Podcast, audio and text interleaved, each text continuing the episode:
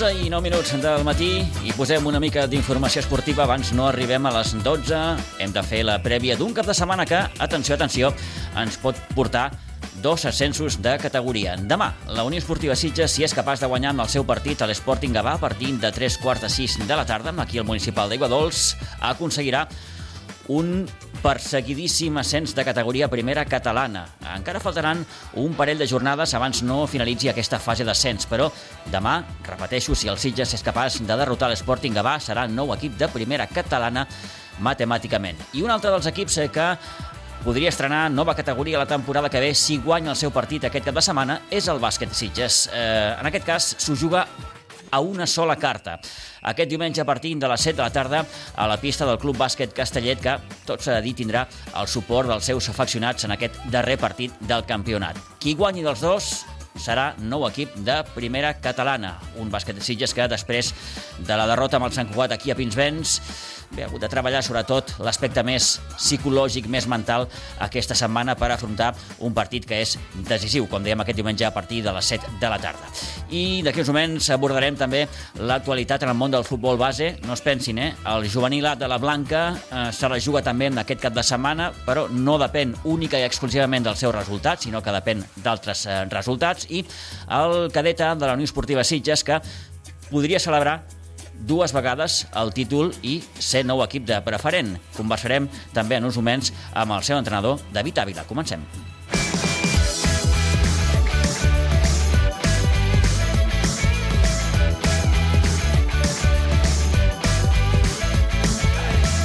Bé, doncs, com els dèiem, a la preferent de juvenils, la Blanca juga el seu futur a la categoria en una darrera jornada en la que, malauradament, no depèn exclusivament del seu resultat. Els de Raül Aroca, en recordem, rebran demà la visita d'un ull de cona ja descendit, què ha de passar, bàsicament, en aquesta última jornada? Doncs que, com els apuntàvem, la Blanca ha de guanyar d'entrada el seu partit amb l'ull de cona i esperar que la Floresta no guanyi el seu partit amb el Cambrils Unió.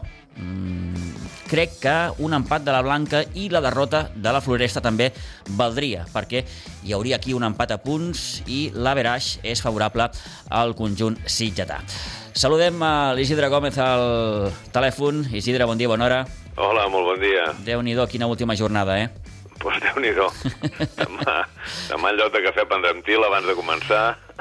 Demà a les 7 de la tarda aquest blanc uh, ull de cona, mm, bé, un ull de cona que ja ve amb, amb, amb tot fet, perquè uh, fa jornades que l'ull de cona va perdre categoria. Aquí, suposo, Isidre, s'hauran de gestionar molt bé, uh, com, com es diu en aquests casos, el factor emocional.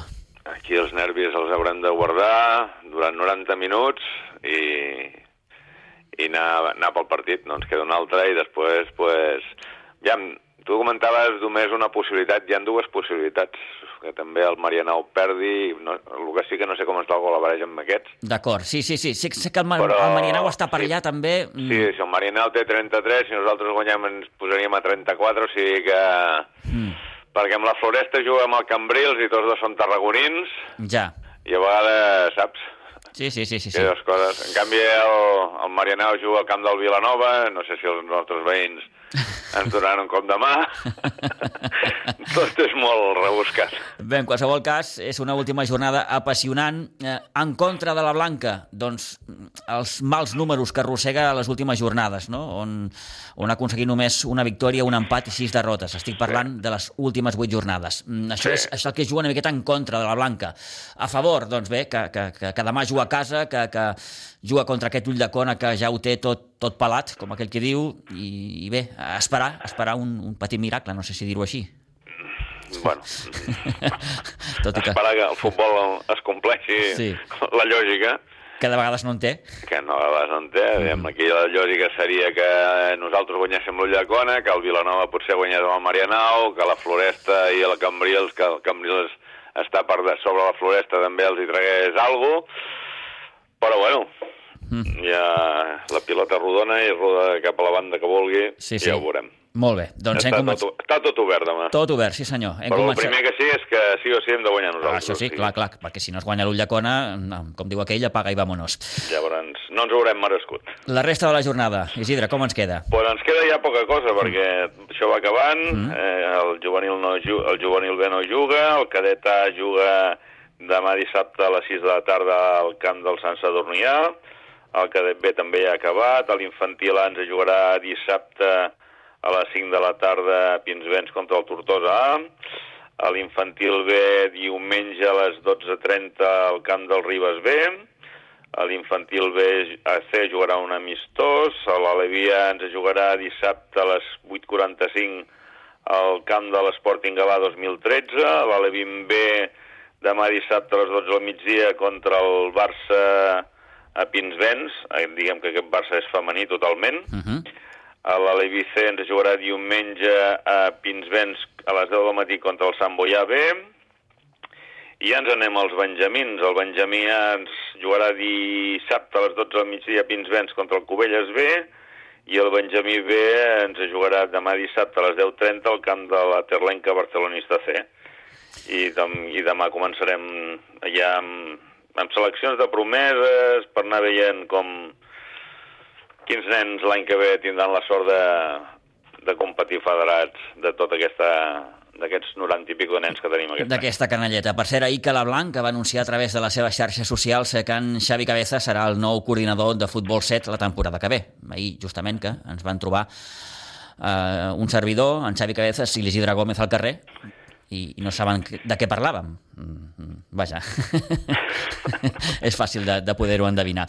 Bé, en qualsevol cas, eh, enhorabona per en Xavi Cabezas, que, com els dèiem, a partir de la temporada que ve serà el nou coordinador de futbol 7 a la, a la Blanca Sur. Una, una de les novetats que portarà ell mm.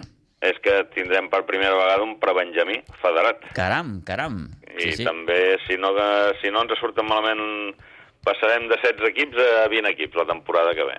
Molt bé, doncs eh, sempre és una bona notícia parlar d'ampliació d'equips. No sé si és tan bona notícia on els encabirem.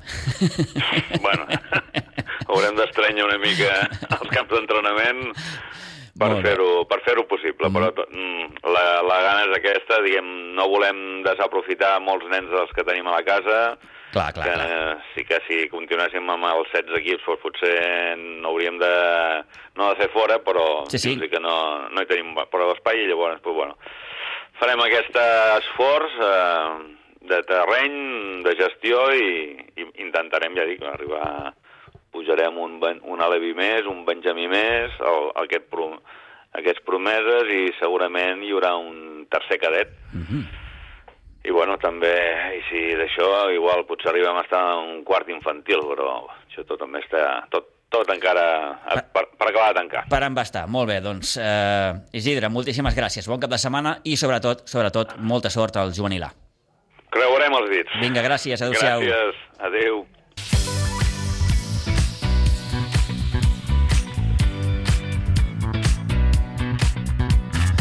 11 i 17 minuts del matí. Vinga, va, i posem una mica més de futbol base perquè, tal i com apuntàvem dilluns passat, el cadet de la Unió Esportiva Sitges es va proclamar campió després de l'empat a 1 al camp del Vilanova i que l'escola de futbol Gavà, segon classificat, també va empatar el seu partit amb el Viladecans. Hi ha un però a tot això i és que l'escola de futbol va, va impugnar amb el partit que va disputar amb el Viladecans per alineació indeguda. Això fa que el Sitges encara no sigui campió del tot i ho hagi de certificar demà a Iguadols, on a partir de les 12 del migdia s'enfrontarà al Riu de Villes. Nosaltres el que hem fet és parlar amb David Ávila, l'entrenador del cadeta de la Unió Esportiva Sitges, i aquestes són, en definitiva, les seves paraules sobre com ha anat tot plegat. Bueno, pues nos llegó en plena celebración del domingo por la tarde-noche, hablé con, un amigo mío, entrenador de, de Gabá, y me lo comentó lo que había pasado en el partido entre Vila de Cans y Gabá, que habían jugado tres jugadores del Vila de Cans que no podían jugar, y naturalmente pues al no ganar nosotros pues el Gabá pues está en su derecho de impugnar el partido. Eh, ¿Cómo os pilló todo esto? ¿Sorprendidos? Pues claro, imagínate cuando antes del partido ves el resultado del Gabá que te vale el empate bueno, como se pasó nuestro partido, al final los últimos 10-15 minutos jugamos para, para no perder y asegurarnos el, empate y por lo tanto la liga y la verdad que sí que nos pilló bastante por sorpresa por la noche, pero bueno, son cosas que pasan y, hay, que aceptarlas, ¿no? Por mm. suerte no es la última jornada, quedan dos jornadas más y más grave hubiera sido pues que hubiera sido la última jornada, lo celebras y esa celebración no sirve para nada y queda en el recuerdo. Bueno, a ver si ahora la celebración que tuvimos se puede repetir, ¿no? Está claro, haciendo un poco de broma, igual lo celebráis dos veces. Sí, todo el mundo nos lo dice, ¿no? Que seremos ya, ya de por sí, em, bueno, el domingo conseguimos una cosa histórica para el club y esperamos hacerlo este sábado, que es poder subir a preferente, que un equipo de, del Sitges en fútbol 11 nunca ha estado en preferente, pues bueno, va a ser hasta tan histórico pues que que lo celebraremos dos veces seguidas, ¿no? Eh, por aquí quería ir un poco, David, eh, el hecho histórico, ¿no? Que ningún equipo de, la base del, club eh, ha jugado en preferente y el cadete lo va a hacer. Sí, bueno, si va todo como tiene que ir, pues el, el sábado que viene sí lo conseguimos, ¿no? Ya te digo, es una cosa que yo se lo he dicho a los niños cuando estamos en la posibilidad de, ascender, pues que es una cosa histórica, muy bonita, ya te digo que repito que en fútbol 11 nunca ha estado nadie en preferente del club y bueno, a ver si lo podemos conseguir, ¿no? Eh, mm, dejando de banda un poco esta última situación que hablábamos de, la impugnación, gran temporada. Eh, vaya, esto está al caer. El sábado ganando, creo, a Río de Villas, lo tenéis hecho. Mm, si hacemos un poco de, de vista atrás, eh, ¿con qué te quedas, David? Bueno, pues me quedo con el, con el grupo que hemos formado, ¿no? Porque son chicos que prácticamente han venido fuera de, de Sitges, que son de, otros sitios, de, de Sur de Calafelo, de Calafelo, de Cunito, de, Vilanova o de Las Roquetas. Eh, sí que es verdad que se conocían juntos, pero me quedo con el, con el grupo, que es un grupo que no nos ha dado ningún problema, que han entrenado siempre muy bien, que han tenido una buena actitud, a pesar de que hemos podido perder pues cinco partidos, en ninguno de los cinco partidos han mostrado eh, han bajado los brazos, siempre han querido luchar, han entrenado muy bien todos los partidos y me quedo que si, si lo conseguimos, que eso esperamos, todo será debido al, grupo que tenemos. ¿no? ¿El objetivo era buscado o, es un objetivo que se ha ido mm, moldeando a lo largo de, las jornadas? No, a ver, el objetivo, claro, tal como llevamos los dos últimos años en el Sitges del KDTA, que se salvaron en la última jornada y el año pasado en la penúltima, pues el objetivo era mantenerse, ¿no? Pasa que, bueno, se dieron unas circunstancias que vinieron muchos jugadores y una vez confeccionamos el equipo sí que se veía que era un equipo para estar arriba. Ah, una vez te pones en la quinta jornada primero y lo vas manteniendo, pues el objetivo ya realmente estaba claro que era que intentar ascender porque estábamos preparados para ello y había equipo de, sobra para luchar. Y el equipo lo ha llevado súper bien, ¿no? El hecho a veces de ir primero casi todo el campeonato no es fácil. No, no es fácil porque hay que mantener una racha que la hemos mantenido. Prácticamente hemos estado una vuelta sin perder. Una vez nos pusimos en la jornada cinco primeros, pues hemos estado una vuelta sin perder. Hemos tenido una distancia considerable, ¿no? Rozando los 10 puntos, 11, 9, hemos estado la segunda vuelta así. Ahora se ha recortado debido, bueno, pues que al final los equipos están jugando mucho. Vas primero, vas destacado y luego pues, nos hemos encontrado pues muchas piedras en el camino, ¿no? En los rivales pero el equipo sí, el equipo lo ha sabido mantener, nunca, nunca nos hemos creído más de lo que éramos, sabíamos que teníamos que competir todos los partidos al máximo y así ha sido, ¿no? Y por eso yo creo que es el éxito de estar donde estamos, donde estábamos el domingo pasado, pensamos que era la gloria y mira, hemos vuelto un poquito a la realidad y esperando ya con ganas para, para el sábado que viene, ¿no? Mm, eh, ¿Cómo están los chavales? Pues bueno, eh, los veré hoy en el entreno, pero bueno, ya nos hemos encargado a través hoy en día de, de, de los WhatsApp, de los móviles, pues bueno, al final yo lo que les he transmitido y con, con, mi, con mi cuerpo técnico y también hablando con, con la directiva del club, que al final es una cosa bonita, no estamos luchando por una cosa fea. Entonces, si el sábado vimos, el domingo en este caso vimos lo bien que no lo pasamos, lo como lo celebramos, pues qué suerte poder disputar otra, otra vez de ese día, incluso pues en nuestra casa, con nuestra gente, luego también sabiendo que juega el primer equipo que también puede ascender. Bueno, pues si el, domingo para nosotros fue maravilloso, pues el próximo sábado puede ser el doble porque es especial, ¿no? Pues repito, por jugar en casa, porque sabemos que vendrán muchas, muchos niños de, la base, muchos entrenadores del club y sobre todo pues que, en, el, final del día pues se puede completar también otra cosa histórica del club, ¿no? Te preguntaba por los jugadores eh, y tú, David, ¿cómo lo has vivido todo esto? Bueno, pues el, yo fui el que recibí la noticia, que la comuniqué a los padres que en eso estábamos, en ese momento estábamos de celebración y luego a los padres, a los chavales por, por vía grupo del WhatsApp.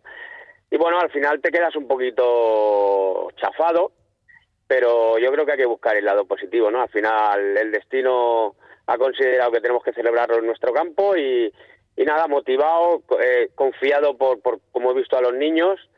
Y sí que es verdad que el domingo nos pudo un poquito la, la, presión, la, ansiedad de, de, poder cerrar la liga, pero bueno, al final son niños de 15, 16 años que tienen toda la ilusión por delante y yo creo que en el momento que nos pongamos a entrenar y ellos son muy conscientes de todo y han entendido siempre el mensaje nuestro, pues lo veremos hoy el primer día costará un poquito, pero yo creo que ya a partir de mañana preparando el partido y llegando el viernes, pues una semana más y nos ha tocado vivir esto, ya te digo, lo día, mira, incluso había un chico en el grupo que decía, si tenemos que jugar 30 partidos más y demostrar que vamos a ser primero, lo volvemos a demostrar. Así que me estoy muy tranquilo porque sé que los chavales lo, se lo van a tomar, pues como hay que tomárselo, a, otra final y, y hasta ahora han competido todos los partidos, no tengo ninguna queja de eso. Mm.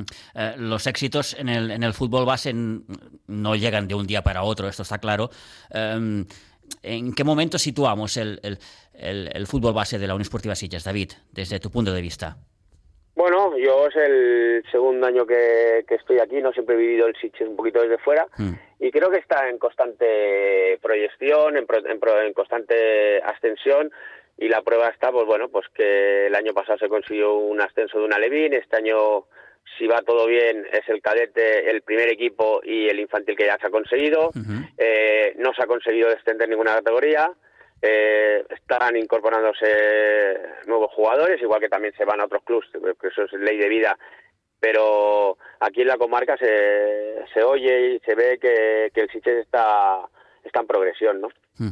¿Cómo se consigue todo esto? Pues bueno, pues a base de, mucho trabajo, eh, los coordinadores, los tres coordinadores junto al director deportivo, pues nos dejamos media vida en el club, hmm. atendiendo a las familias, eh, dejándonos todo para, para conseguirlo, ¿no? Yo creo que al final esto es el trabajo y que, y que las familias confíen en, lo que estamos haciendo y la verdad que, bueno, parece que, que poco a poco pues, pues se están consiguiendo objetivos. ¿Y cómo has vivido tú personalmente esta temporada, más allá de, de, de esta situación puntual que comentábamos antes? Bueno, a lo que respecta, yo aparte de entrenar el cadete, soy coordinador de la etapa cadete y juvenil. Ajá la he vivido tranquila porque, bueno, porque estoy rodeado, estoy rodeado de, buenos entrenadores, de buenas personas, gente que capacitada para llevar los grupos. Entonces, en ese sentido he tenido mucha tranquilidad. El club también nos da mucha tranquilidad para trabajar. Y en lo personal, pues bueno, eh, refiriéndome al cadete, pues bastante sufrimiento porque, bueno, al final eh, ves que ahí que vas primero, vas primero, vas primero, se está haciendo largo y esperemos que bueno pues que ya digo que el sábado podamos decir todo que todo ha sido maravilloso no sé que es un tópico pero el éxito es que algún día uno de estos chavales pueda estar jugando en el primer equipo sí el primer éxito para mí es que, que los chavales disfruten que de lo que más les gusta no que, es el fútbol en este caso y en ese momento creo que lo que lo estamos consiguiendo porque un tanto por ciento elevado de, los niños se le ve que, que están implicados en el club que disfrutan. Y naturalmente, pues sí, sí, el objetivo es, nosotros el Sitges tiene la ventaja que antes de pasar por un primer equipo está el Senior B, que encima eh, la escala puede ser más fácil para ellos y bueno, ya, ya, en el primer equipo hay jugadores que han pasado toda su etapa en el fútbol base del club, en el, en el Senior B también, y esa es la filosofía del club, ¿no? Cuando una vez hablamos nosotros para fichar jugadores, sobre todo en la etapa de juvenil, pues les ofrecemos la, la salida importante que tienen de los dos seniors de vivir el fútbol de una manera diferente, porque también es verdad que eh, aquí en el, en el club los dos los dos seniors se les cuida muy bien, tienen su tillero, tienen su ropa y sí que los jugadores pueden sentirse bien cuidados, ¿no? Y eso es una parte importante también del club. Pues David, eh, gracias por atendernos. Eh, te voy a decir enhorabuena, te lo puedo decir igualmente porque, bueno, mm, de momento no lo habéis conseguido por esta impugnación que comentábamos al principio de la entrevista, pero bueno, esto está al caer y, como se dice, como, como fruta madura va, va, va a caer. Enhorabuena por esta gran temporada, David. Vale, muchas gracias. Un abrazo.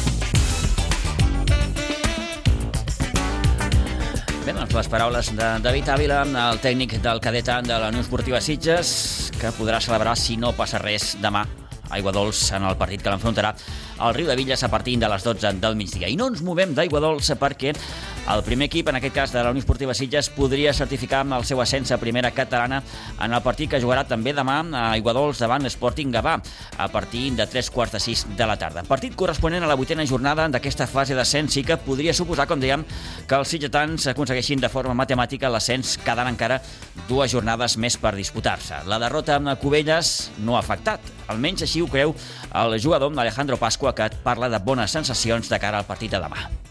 Bueno, les sensacions són molt bones. Eh, a més, tenim moltes ganes de guanyar, de consolidar l'ascens a primera catalana de, davant la nostra afició i crec que aquest partit és, és l'ideal. Eh, al final el club porta des d'abans de pretemporada treballant per fer un equip un equip competitiu per pujar a primera catalana i nosaltres els jugadors igual, des del primer dia de pretemporada hem treballat per, perquè l'any vinent l'Unió Esportiva Sitges sigui equip de primera, de primera catalana. Eh, sí que és cert que davant nostre tenim un, un rival que, si no m'equivoco, és el millor del playoff o uns dels millors i ens ho posarà molt complicat. És un equip treballat, un equip rocós, que ens va guanyar allà, però crec que nosaltres hem de fer el nostre joc i, i aquest és el partit, aquest és l'oportunitat d'or que, que busquem des del principi de temporada, així que espero que guanyar i consolidar l'ascens.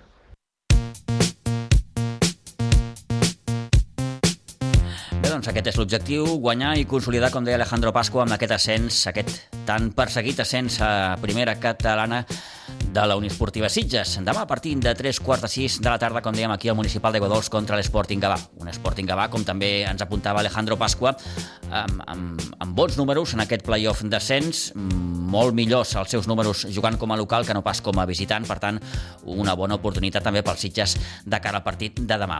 A tercera catalana, el Sitges B, que juga també demà, ho farà a Igualada, al camp de les Comes, on a partir de 3 quarts de 6 de la tarda s'enfrontarà a un Montserrat Igualada penúltim classificat classificat i ja descendit. Objectiu, no cal dir-ho, sumar tres nous punts que l'ajudin a consolidar aquest eh, segon lloc en acabar la, la temporada.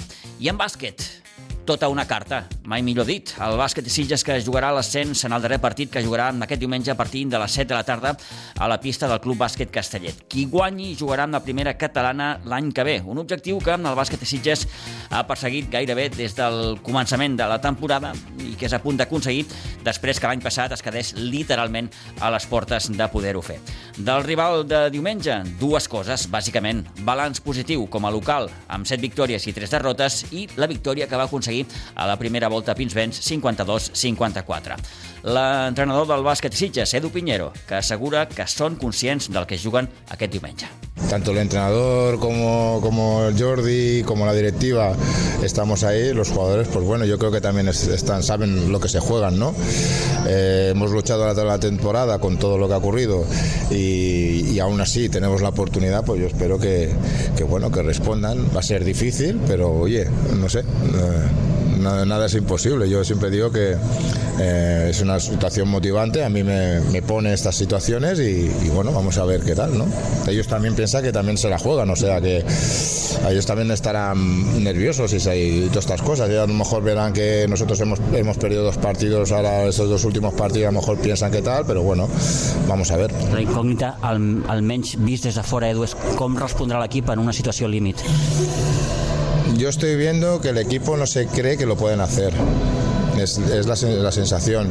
Sensaciones también de un poco de inseguridad, de, de, bueno, es como el otro día, ¿no? El otro día vamos en el segundo cuarto ganando de 11 y sales en el tercero y nos recogen la, un equipo que venían a pasar, bueno, que no, no se jugaban nada y, y bueno, y les, y les, damos. Yo es que todos los partidos que hemos perdido es porque les hemos dado el partido, o sea, es que lo, lo hemos visto y lo hemos hablado y ha sido así. No es que hemos querido ir a ganar el partido. Yo desde el principio ya les dije que teníamos 22 finales y joder, yo soy así. Y bueno, ya en la 22 ya estamos en la, en la, en la vigésima segunda y bueno, estamos ahí a ver qué tal. ¿De quin Castellet esperes? Bueno, eh, saben a lo que juegan. Eh, es, el, es, el, mejor equipo defensivo de la liga. Nosotros somos los segundos. Eh, a nivel de anotación, no es que tengan jugadores, pero saben a lo, a lo que tienen que hacer. Se, se, van a dejar el arma en defensa.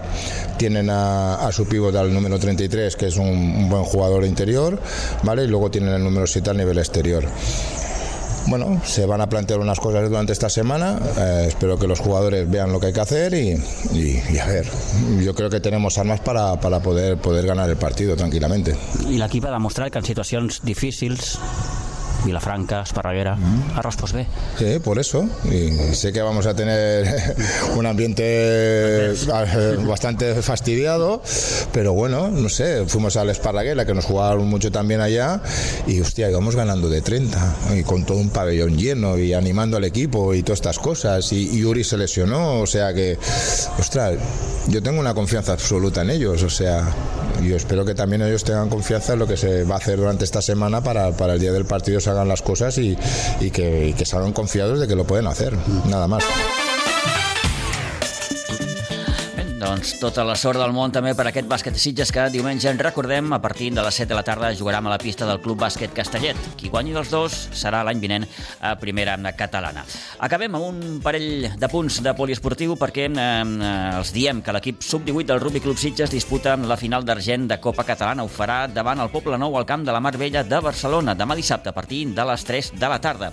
I en futbol sala, a la Lliga de segona divisió catalana, el primer equip del futbol sala Sitges té partit de la penúltima jornada contra l'equip de Barcelona del CSG, que jugarà demà dissabte a Pinsbens a partir de les 8 del vespre. Ara mateix, les 11 i 35, deixem aquí l'agenda esportiva i anem de cap ja cap a la tertúlia.